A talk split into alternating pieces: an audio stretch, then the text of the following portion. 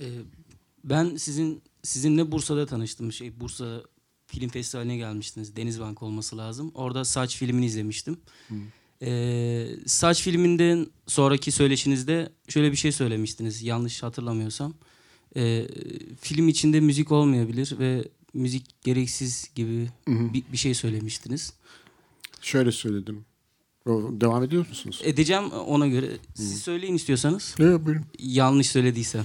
Yo, doğru söylediniz. Ee, ben oradan çıktıktan sonra o ara bir kısa film çekmeyi düşünüyordum. Cık, Tuvalete giriyorum diyorum ki Allah Allah adam niye böyle dedi falan. Yani müzik de sonuçta ışık gibi bir şey. Yani kullanılması gereken, sinemayı duygumuzu desteklememiz için kullanılan bir şey. Sonra işin komiği e, bir süre sonra işte Ben O Değilim filmi çekmiştiniz. Galiba Altın Portakal'da veya Koza'da e, en iyi film müzik ödülü almıştınız. Ben dedim ki Allah Allah. yani ben Yok. o ara yanlış mı hatırladım yoksa e, siz fikriniz mi değişti veya Yok, yok, o değişmedi. hikayenin devamlılığı mı o? Hani hikayenizin getirdiği şey müzik mi kullandırmak isteğiydi? E, yani sonuçta bir oyuncu da vardır, ışık da vardır, ses de vardır. E, hikayemizi anlatabilmek için hepsi e, değerlidir ve kullanılması gerekiyorsa kullanılmalıdır. Gereksizdir. Şeyini Ben- benim kafama bayağı takmıştım. Ben gereksiz demedim. Şunu e, şunu dedim çünkü çok tekrarladığım için e, orada da aynı şeyi söylediğimi düşünüyorum. Bu şey en iyi film e, müziğini İstanbul Film Festivali'nde mi aldı? Tam emin değilim. E, şunu demeye çalışıyorum. Sinema e, seyircisiyle kurduğu ilişki içerisinde e, çok e, tehlikeli bir silah. Yani e, seyirciyi vurmak istiyorsanız sizin derdiniz seyirciyi yakalayıp onu kafasından vurmaksa bunun e, son derece kolay yapılabilecek aletleri var filmin içerisinde. Bu, bu, bu söylediğim şey tabii e, ana akım sinema için daha çok e, ifade etmeye çalıştım da onun üzerinden. E, sinemada müziğin kullanımı seyirciye şu anda şu bak ne yapıyorsun ne yapacaksın biliyor musun? Şu anda korkacaksın, şu anda sevineceksin, şu anda mutlu olacaksın ve şu anda şunu yapacaksın diye işaretler göndererek kullanılmasına karşıyım. Ve bunu son derece ahlaksızca yapıyor şey. e, özellikle televizyon dizileri ve e, ana akım sinema. Bu ben seyirciyle olan ilişkimi açıkçası e, filmin en başında elimi açarak elimde bu var diye göstererek başlamayı tercih ediyorum. Yani bu ahlaki bir problem olarak görüyorum bunu. E, Yani seyirciyi manipüle etmenin bir aracı olarak kullanılıyorsa müzik buna külliyen karşıyım.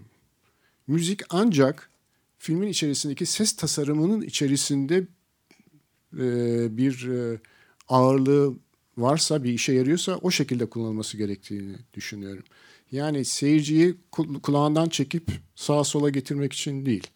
Dolayısıyla bir film tamamen müziksiz de olabilir. Müzik de olabilir fakat müziğin bu şekilde kullanılması beni çok rahatsız ediyor. Ee, onu demiştim. Şimdi aynı şeyi söylüyorum. Ee, bir de şey daha demin söylediğiniz şey üzerinden. Aynı zamanda ben oyuncuyum. Ee, oyunculuk e, dediğimiz şey yani kamera kadar bir değeri olması gereken bir şey değil mi sonuçta?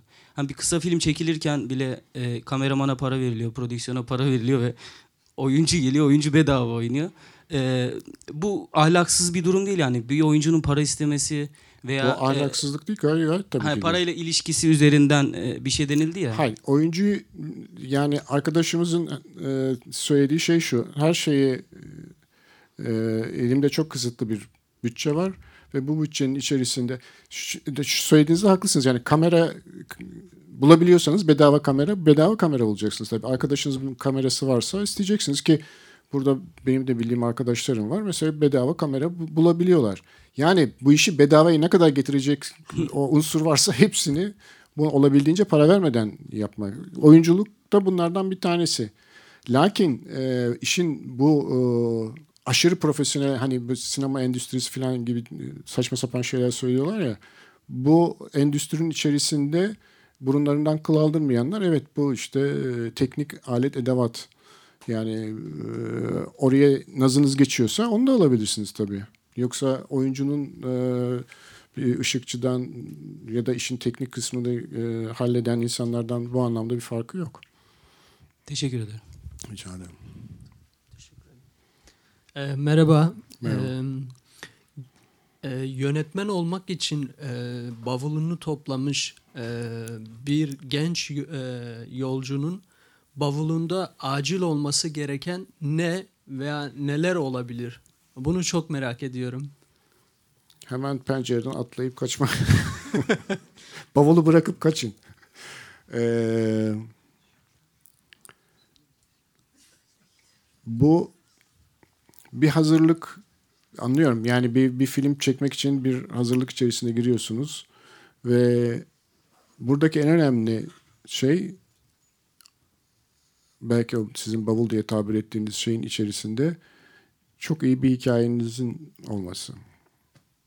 Yani anlatıcı bir bu hikayeyi anlatmak anlatmak istediğiniz çok önem verdiğiniz bir hikaye var ve bu hikaye de sahiden e, kıymetli bir hikaye. Yalnız sizin için değil, seyirci için de kıymetli olabilecek bir hikaye. Teşekkür ederim. Ee, onun dışındaki şeyler daha sonra arkadan. Bir de daha bundan da daha önemlisi çok istemelisiniz. Evet bu belki daha da önemli. Yani bunu yapacağım ve ne olursa olsun yapacağıma dair çok büyük bir istek sahibi olmanız gerekir. Çünkü bunu engelleyecek çok şey var ve bu e, insanı e, motivasyonunu bozan birçok şeyle karşılaşıyorsunuz. Buna rağmen ben bunu yapacağım, ne olursa olsun yapacağıma dair kuvvetli bir inanç. Oh, Teşekkür ederim. rica ederim.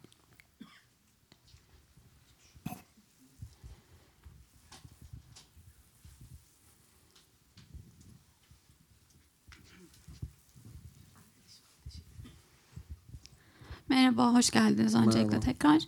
Ee, ben de sektörde çalışıyorum dizi, film, reklam, kamera arkasında. Ee, ancak şöyle şeyler var yani çalışıyorum evet bir maddi kaygı güttüğümüz ve geçim derdimiz olduğu için aynı zamanda tiyatroya da ilgileniyorum ve e, kamera arkasında çalıştığım işlerden tiyatroyla ilgili işleri finanse etmeye çalışıyorum.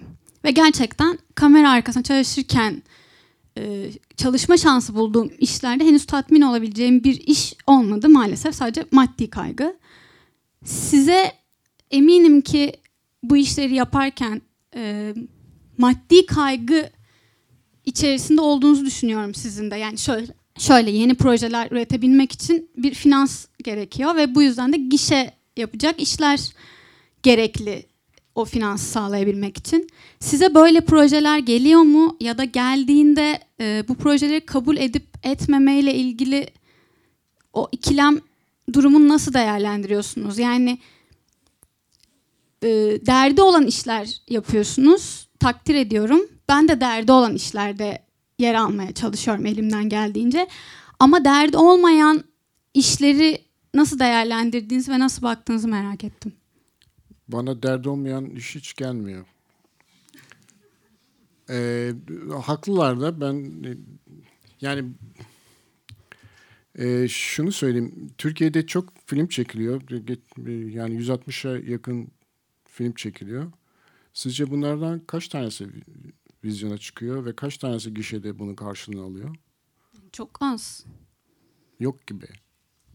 Dolayısıyla Türkiye'de böyle herkesin görmezlikten geldiği bir e, şey, bir e, illüzyon var. E, Türkiye'de sinema e, yani bugünkü günümüze ait e, gişe için yapılmış olan e, filmler çok büyük ağırlıkta ve aslında bunların gişede karşılıkları da yok tuhaf bir şekilde fakat gene çok film yapılıyor. E, demek ki bir şekilde bu çark dönüyor. Nasıl dönüyor? Bunu bunu bilen birisi de bana anlatsa çok mutlu olacağım. E, Benim yaptığım sinemada ben benim gişeden bir beklentim yok. Yani benim filmlerimin seyircisi şeyde son derece sınırlı. Bu fakat bir şekilde kendini çevirecek başka bir mekanizma var. O da e, filmlerimin uluslararası ortaklıklarla yapılıyor olması ve bir takım fonlardan gelen paralarla çekiliyor olması. Dolayısıyla bu kendini çevirecek bir e, döndürebilecek bir mekanizma halinde dönüyor. Fakat bu e,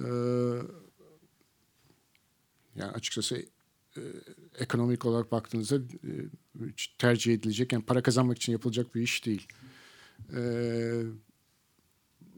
O yüzden e, muhtemelen e, benim böyle işler yaptığımı bilenler de haklı olarak bana e, böyle bir teklifte bulunmuyorlar. Zaten bulunsalar da böyle bir şey. Şunu yaptım. E, bu işte ilk başladığım zamanlarda televizyon için e, bir takım hikayeler yazdım. Yani çekmedim de yazdım. E, televizyon çok başka bir dünya. Yani sinemayla pek alakası olduğuna inanmıyorum. Başka bir ruh. O, o ruhu tanımıyorum. E, yapabilirim, yapamam muhtemelen de. E, benim bildiğim sinemanın e, bu, böyle bir zeminde takdir göreceğini zaten düşünmüyorum. Onlar da biliyorlar. Dolayısıyla karşılıklı bir anlaşma içindeyiz. Yani böyle bir proje gelse kabul etme Yok. taraftarı olmaz. Bu şu, şu, şu şöyle. Benim kendi e, yapmak istediğim işin sınırlarını kabul ediyorlarsa bir, bir beis yok bunda. Yani benim yap- yapacağım film şu ve şöyle bir film, şöyle bir hikaye. Bu, bu karşı tarafın da kabul edeceği bir şeyse bu- bunu yapmakta bir, bir sakınca yok. Lakin bu o standartlarına, onların standartlarına uymak çok zor açıkçası. Teşekkürler. Rica ederim. Son bir soru soracağım. E, Az önce dediniz ya e, aynı elemanlarla çalışıyorum dediniz filmlerimde. Hani dayımdaki elemanı aynısı. Ya, Evet. bir e, tabii ki değişiyor fakat hala birlikte çalıştım. Kemik, burada da kemik bir kadrosu var o zaman. Çünkü şunun için soruyorum bunu. Hani dört yıl önce ben de bir kısa film çektim arkadaşlarımla. Ee, ama herkes papaz oldu sonradan. Çünkü çok ağır bir şey. Set bir aile gibi yani.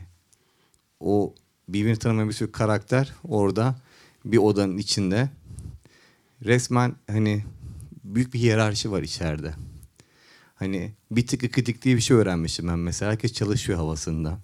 İşte sesçi ayrı bir e, olay. Durun diyor, uçak geçiyor diyor.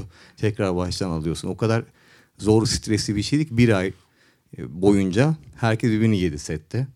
Onu biliyorum ben. Topu topu 15 dakikalık bir filmdi yani. Ama şey doğru dediğiniz o önemli oyuncular yani sinema oyuncuları. Mesela Ahmet Rıfat Şungar oynamıştı bizim filmde ve hiç para almamıştı. Ve çok ahlaklı bir oyuncuydu gidip geliyordu ama setteki o hiyerarşi çok zor bir hiyerarşi. Yani e, bir ülke yönetmek gibi bir şey yö- yönetmen için bence. Nereden bakarsın. Siz o e, kemik kadroyu seçme nedeniniz devam nedeniniz bu mu? Yani bağlılık gibi bir şey mi? Şöyle. eee, evet ilk kısa filmi çektiğim eee, ekipten hala arkadaşlarıma çalışıyorum. Mesela Natalie burada. Na- Natalie de ta o daha onun öncesinden de yani sanat yönetmeni olan arkadaşım. Onun öncesinden de başlayan dostluğumuz var ve hala devam ediyor. Bu ekip eee, içerisinde girenler oluyor, çıkanlar oluyor ama genellikle bir eee bir devamlılık söz konusu. Bu demin dediğiniz şeyle alakalı. Yani insanlarla ku- kurduğunuz ilişki, evet o set denen ortam böyle çok e, hektik bir yer. E, oradaki ve belli bir süre içerisinde e, süre uzadıkça e, stresin de arttığı ve herkesin bir şekilde giderek daha sinirli hale geldiği bir ortam. Dolayısıyla buradaki insani ilişkiler yani kameranın arkasındaki ilişkiler de çok önemli. Yönetmenlik biraz da burayı da kontrol etmekle ilgili. Genellikle yönetmenlerin biraz ceberrut olmaları beklenir. Bu belki bu iktidarı bu şekilde kur, kurmanın daha kolay olduğunu düşündükleri için bizim setlerde çok öyle olmaz. Yani bu benim setlerim Natalie söyle nasıl? bir, daha çok bu insan ilişkinin bozulmadığı ve belli bir seviyenin hiç düşmediği bir, bir şekilde akıyor. E, Biraz işte yönetmenliğin bu tarafı da var diyebilirim. Evet. Ses. Heh. Ben 11. sınıf öğrencisiyim iletişim lisesinde. İmkanlarım siz de tahmin edersiniz ki çok az. Yani ses, ışık, işte oyunculuk yönetimi, senaryo hepsiyle uğraşmaya çalışıyorum. Ve e, kafamda yarattığım o dünyayı, insanı, karakteri ya da işte çevreyi kadrajın içine yerleştirmek, yani filme filmde yaratmak çok zor oluyor bu yüzden. Ve e, bu hani başlamadan bitmiş filmlerim var bu yüzden. Sırf onu yaratamadığım için geriliyorum. Yani izleyicilere aktaramayacağımı düşünüyorum. Sizin de hani böyle düşündüğünüz projeleriniz oldu mu? Yıldığınız, vazgeçtiğiniz. Olduysa e, motivasyonunuzu nasıl topladınız? Teşekkür ederim. Ee, evet, sinema dediğiniz gibi çok e, meşakkatli bir iş. Yani bu demin anlatmaya çalıştığım da biraz buydu. Yani kısa filmin e, çektiği, kısa film yaparken çekeceğiniz ızdırap da uz, bir uzun metrajdan daha az değil. Ee, demin biraz onu anlatmaya çalıştım. İşin en kolay kısmı filmin çekildiği kısım. Onun öncesi ve sonrası sahiden çok daha zor. Ee, ve dolayısıyla özellikle filme başlamadan önceki hazırlık kısmı ve bütün bu organizasyonu yapmak sahiden çok hırpalayıcı bir süreç. Ee, bu çok hırpalandım evet ama vazgeçmedim. Ee, yani vazgeçtiğim hiçbir e, projem, ben başlayıp da vazgeçtiğim proje olmadı. E, fakat bu biraz da e, hesabımı demin anlatmaya çalıştığım şekilde bir yönetmen olarak hesabımı da matematiğini de e, kurmak için çok kafa patlatmakla da ilgili. E, önünüze bir e, mania çıktığı zaman bunun üstünden mi atlayacaksınız, kenarından mı dolaşacaksınız, bunu nasıl çözeceksiniz? Muhakkak bir çözüm var. Ee, ondan hiçbir kuşkum yok. Yani şunu söyleyeyim size, bu birkaç yerde söyledim. Hiç doğru bir şey değil. Fakat yani film çekmek için film çal, çalan tan, tanıdıklarım oldu. Şimdi bir hırsızlık tabii ki kötü. Fakat bir hırsızlık yapacaksanız yani böyle olacaksa da böyle olsun diyeceğiniz bir şey bu. Olmasın. Fakat olacak oluyorsa mı kaçarınız yoksa bu. Sinema böyle e, bir iş. Yani asla ve kata film çalın demiyorum. Ama bu işin bu kadar e, ızdırabı da göze alacak, almayı gerektirecek kadar da bu işe inanmanız lazım. Ben bir soru sorabilir miyim? Arkadayım en arkada. Evet. Pardon. Konuyla pek ilgili mi bilmiyorum ama ben Türk oyunculardaki bu egoyu sormak istiyorum.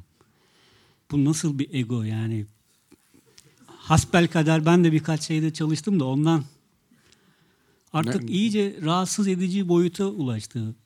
Kimsenin söyleyemediği şeyler oluyor setlerde mesela.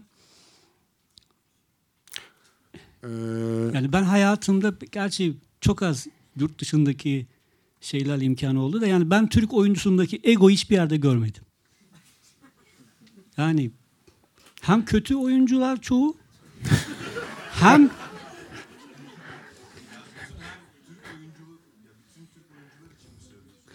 genelde inanın istisnasız. Yani çok affedersin. Benim gözlemim bu. bir- Çok nadir oyuncularımız var iyi. Olanlar da yani bir yani inanamıyorum yani bazı hareketlerine. Onu anlatmaya çalışıyorum. Bu biraz renkli oldu ama benim anladınız herhalde. anladığımı sanıyorum.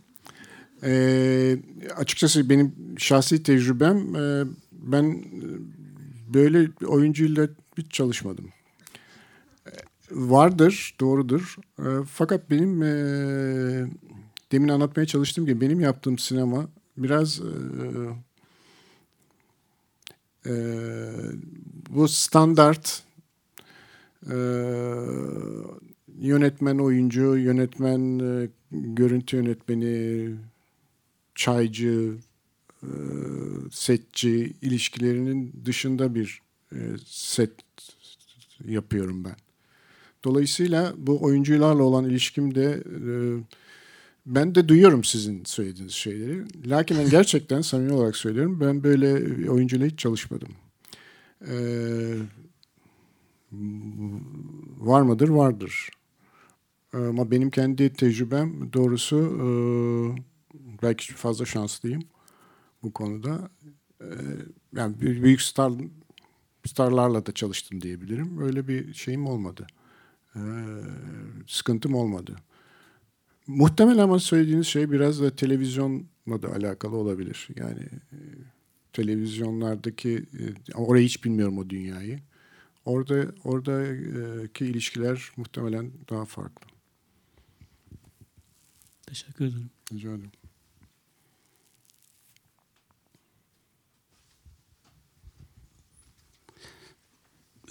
Hocam bu ego sorununu biraz da e, ekonomik ve kültürel yozlaşmaya bağlayabilir miyiz? E, çünkü 40 yıldan beri e, bencil ve çıkarcı ilişkiler e, sürekli gündemde. E, insani e, etik değerler ve evrensel değerler itibarsız kılınmış vaziyette. Bunun için bencillik ön planda.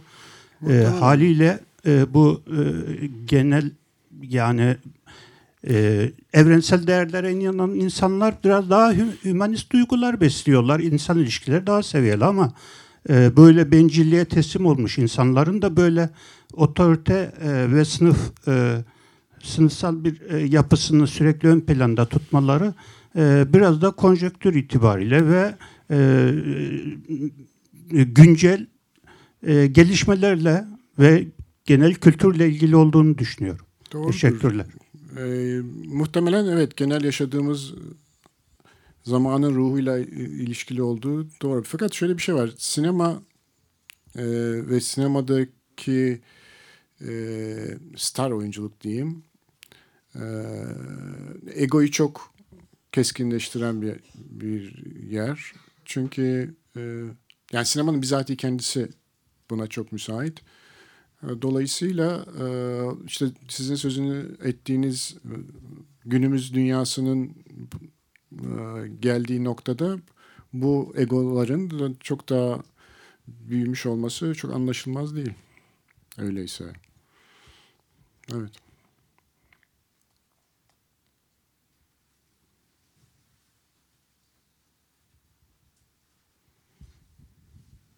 Merhabalar. Merhaba. Ee, ben şeyi soracaktım.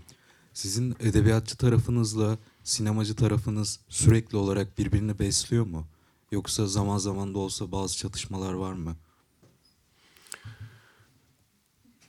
Ee, zannediyorum besliyor. Şöyle demin anlattığım şekilde e, yazarken e, mesela bir, bir roman yazarken m, tasavvurunuzun sonu yok. Yani bir, bir dünya yaratıyorsunuz ve bu dünyanın içerisinde anlattığınız bir zaman bir aralığı var. O zaman aralığın içerisinde anlar var. Ve bunun, bunun içerisinde e, sizin yeteneğinizin ölçüsünde e, okuyucuda e, okuyucunuzun tahayyülünde e, bir dünya sunuyorsunuz. E, ben dolayısıyla e, senaryo yazarken bu, bundan çok faydalanıyorum zannediyorum.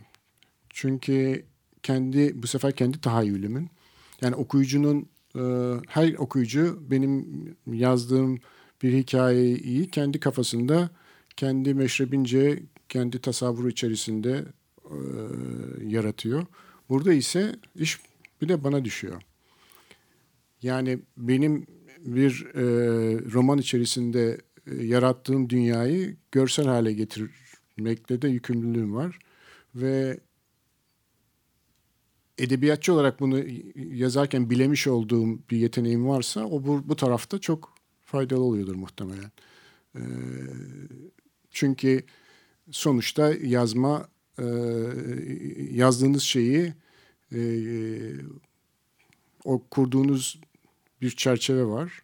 O çerçevenin içerisini, içerisini o e, sinemada onu dolduruyorsunuz. E, bu karşılıklı olarak e, birbirini besliyor muhtemelen. Yani yazarken de tahayyül, sinemacı olarak tahayyül ettiğiniz şeyi daha kolay e, oluşturabiliyorsunuz. Yani karşılıklı bir interaktif bir ilişki muhtemelen var. Fakat e, şeyde e, bir sıkıntı oluyor. E, yazar ve yönetmen olarak e, tanınma konusunda birbirlerini etkiliyorlar. Beni yazar olarak bilenler yönetmenliğimden haberdar olmuyorlar. E, yönetmen olarak bilenler de ya kitap da mı yazmış diyorlar. E, yani bu, bu, bu da keyfe keder bir şey ama bu e, bunun dışında bir zararını görmedim.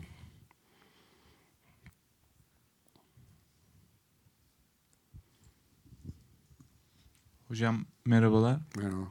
Çok sağ olun öncelikle e, zaman ayırdığınız için. Rica ederim. E, tabii değerlendirmeye haddime değil ama düşünce tarzınız çok hoşuma gitti. E, ufuk açıcı bir konuşma oldu bence. Sağ olun. Mikrofonu teşekkür etmek için aldım ama almışken bir de soru sormak isterim. Buyurun.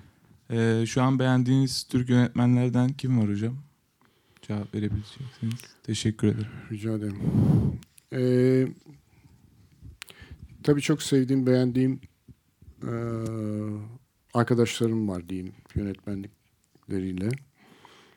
Reha'yı çok beğeniyorum, seviyorum. Reha gerçekten çok önemli bir yönetmen ve yaptığı işler eee, çok ve, ve eee, şöyle de bir önemi var. Eee anlattığı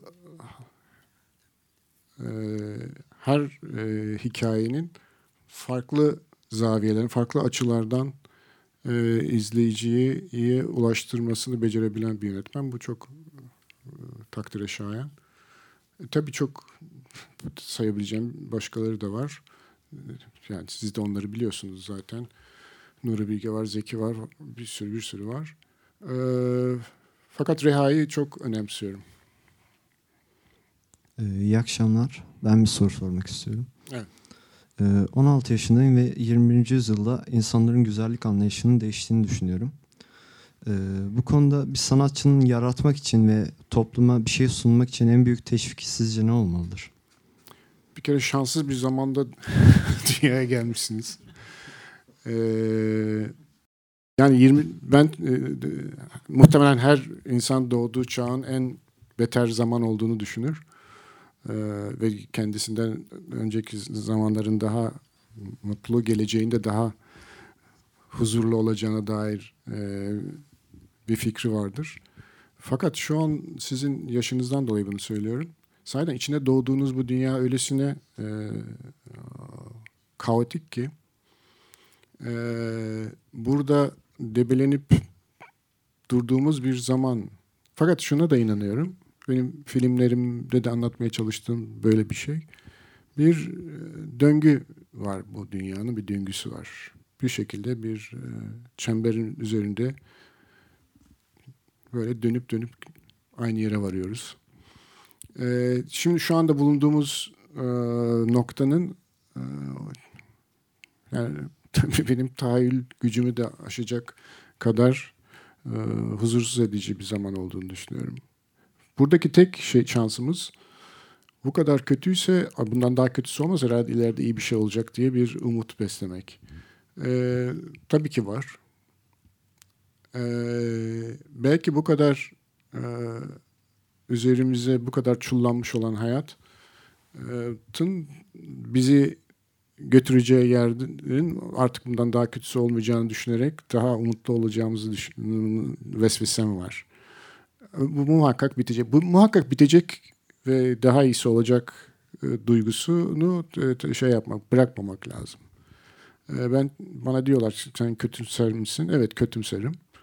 E, fakat bu kötümserliğin de e, ancak e, durumu açıklamak için yeter e, gerek gerekli olduğunu düşünüyorum. Böyle böylece daha iyiye ulaşmaya dair bir zemin oluşacağını düşünüyorum ve daha bununla, bununla bağlantılı olarak şunu söyleyeyim. Üretmek.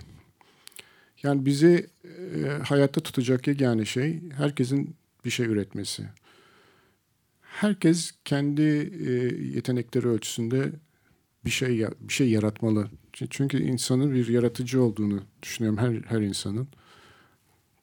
İyi, kötü, küçük, büyük ama bir şey yaratmak için o motivasyonu hiç bırakmamak lazım. Yani film çekecekseniz çok zorsa çekeceksiniz.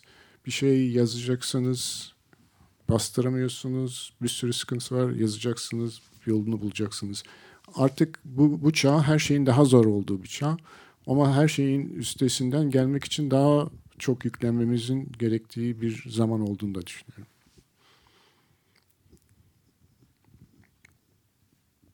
Bu kadar kötümsedikten sonra kimse soru sormayacak herhalde.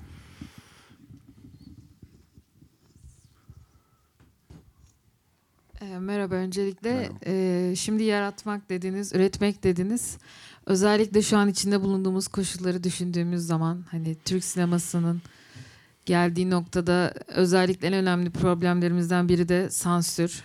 Filmlerin, belgesellerin e, uğradığı sansür veya sadece sinema değil aslında hani e, bugün hani sinemadan e, işte roman veya herhangi bir köşe yazısından dolayı bile hani gelinen nokta ortada ama sizin açınızdan baktığımda hani üretirken, yazarken veya işte artık e, çekerken ya da e, böyle bir kaygı taşıyor musunuz? Hani o sansür kaygısını e, yaşıyor musunuz? O kaygı üretkenliğinizi etkileyen bir yere gidiyor mu? Bu kaygı e, sokakta var. Dolayısıyla e, buradaki herkeste de olduğunu düşünüyorum. E, ya, işimi yaparken böyle bir e, huzursuzluğum var mı? Var. E, bu ama genel e, yalnız bu Türkiye'ye de ait, bütün dünyaya ait bir huzursuzluk dönemi olduğunu ve ee, bu ama burada iyice bunu e, iliklerimizde hissettiğimiz ve daha da çok hissedeceğimizi düşündüğüm bir zaman bu benim aklıma hep şey getiriyor. Bir gün şeyde Budapeşte'de dim bir işte tramvaya bindim gidiyorum fakat böyle her tarafta siyah bayraklar var. Görüyorum. An, bir anlam veremedim. Şöyle oradaki bir yanındaki böyle yaşlıca bir adama dedim ki ne bu nedir bu siyah bayraklar? Adam şöyle yaptı. Sağına soluna baktı. Sonra kulağıma eğildi dedi ki Kadar öldü.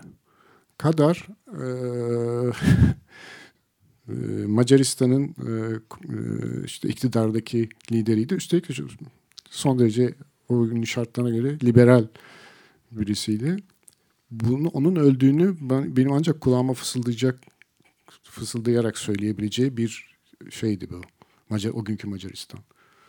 Ee, biraz bugün biz fısıltıyla konuştuğumuz bir zaman. Ee, bunun da e, aşikar nedenleri var tabii.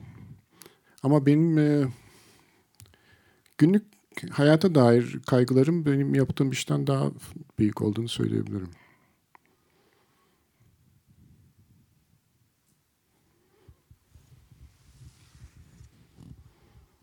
Hocam siz resim de yapan hmm, biri olarak size bir soru sormak istiyorum. Felluce ve e, tekerrür sergileri ki ben tekerrürü de görmüştüm sergiyi. Bu sergilerinizde e, karanlık güçlerden, istiladan, e, işte bir bir mücadeleden, bir savaştan söz ettiğinizi oradaki yazılardan hatırladığım buydu. Resimlerde de böyle bir intibam vardı. Ve e, günümüzde de e, hatta bir festivaldeki ödül töreninde e, içine çekildiğimiz bir heyuladan söz etmiştiniz. Böyle tabir ettiğinizi hatırlıyorum. E, buna karşı az evvel verdiğiniz bir cevapta üretimin bir cevap olabileceğine dair bir atıfta bulundunuz. Bunu biraz daha açmanızı rica edeceğim. Bir de bir ek soru buna belki de. E, filmlerinizde zorluklara dair e, yani yaşamış olduğunuz en önemli zorluk ve bu zorluğu aşma yönünde geliştirdiğiniz bir bir taktik oldu mu? Yani karşılaştığınız çekim esnasında karşılaştığınız bir zorlukla nasıl baş ediyorsunuz? Bunları belki bir arada bir şekilde cevaplamanızı rica edeceğim. Bu e, sözünü ettiğiniz e, sergiler ben e, böyle tematik sergiler yapıyorum. Tematikten kastım bir hikaye yazıyorum ve o hikayenin resimlerini yapıyorum. E, bu e, iki sergide e, böyle gene fantastik biraz hikayelerin e, e, resimleriydi. E, yani o zaman da bu- bu- bugün söylediğim şeyleri söylüyordum. Ve nitekim o gün söylediğim şeylerin daha fenası, daha kötüsü. Yani o illa neyse onun çok daha büyüğüne kapılmış gidiyoruz. Ee, fakat söylediğim şeyi tekrar edeceğim. Bu bununla nasıl mücadele edilebilirin? Benim bilebildiğim tek cevabı e, üretmek. Yani ürettiğiniz şeyin bu bizim ızdırabımızı giderme yönünde hiçbir ilişkisi olmayabilir. Fakat bu bizi tedavi et- eder, artı bizi hayatta tutar. Artı belki de sizin farkında olmadığınız şekilde bu üretiminizin bir karşılığı vardır. Yani sinema tabii çok aşikar bir şekilde e, insanlara e, ilişki kurabildiği için böyle çok e, göz önünde bir iş. Fakat onun dışında da olabilecek şey- bir- birçok şey var. Bir de bugün yani belki de iletişimin bu kadar hızlı bir şekilde yapılıyor bilmiş yapılıyor olmasının da bir kullanılabilecek bir tarafı vardır.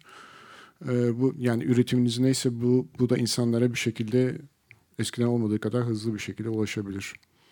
Bunu bir şey bilerek söylemiyorum. Sadece hissettirerek, sezgilerimle söylüyorum. Ve e, fakat işte diğer e, sezgilerimin karşılığını görmüş olduğum gibi bunun da bir karşılığı olabileceğine dair bir vesvesem var. E, ikinci ta- şey neydi? Ha zor evet. S- e,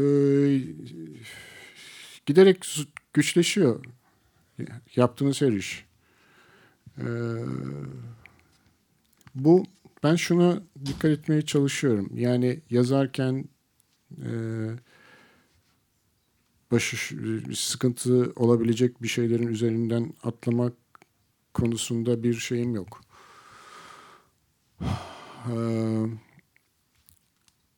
Z- zor olan şey neyle karşılaşacağınızın eee, tam olarak bilememek. Eee, yani yaptığınız şeyin karşılığında karşınıza neyi çıkaracağınızı bilememek en büyük tedirginlik. Bu bu bu başlı başına bir sansür. Yani bunun sahiden hiçbir şey olmayabilir. Yani kimsenin umurunda olmayabilir ama acaba birinin umurunda olur mu diye bir kaygı duymak bu tedirgin edici bir şey. Ben bundan olabildiğince kendimi uzak tutmaya çalışıyorum. Son soruyu alabilir miyiz?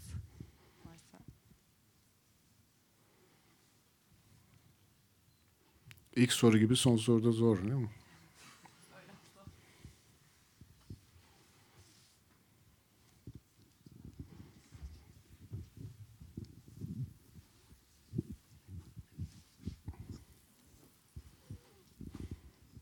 Merhaba. Merhaba. Ee, şunu sormak istiyorum. Ben de güzel sanatlar eğitiminden gelen biri olarak. Ee, resimle, e, sanatla, resimle ilgilenmeye başlayarak mı başladınız? Ya da resim eğitimi aldınız galiba değil mi ilk? Evet. Ee, resimle kurduğunuz ilişki size sinemaya e, bakmak ya da bakma biçimleri açısından sizi nasıl eğitti? Bunu merak ettim. Şöyle ben e, bu ülkenin eğitim e, standartları dolayısıyla önce metalurji mühendisliği okudum. Metalurji mühendisiyim. Bir iki senede çalıştım, mühendislik yaptım. Sonra Viyana'ya gittim ve resim okudum. Ee, şunu e, resimle olan ilişki e, bana sinemada şöyle e, yardımcı oluyor zannediyorum. Sonuçta bir resmin e, bir resmi yaparken ki kurduğunuz dünya işte o çektiğiniz o planın çerçevesi içerisinde oluşuyor.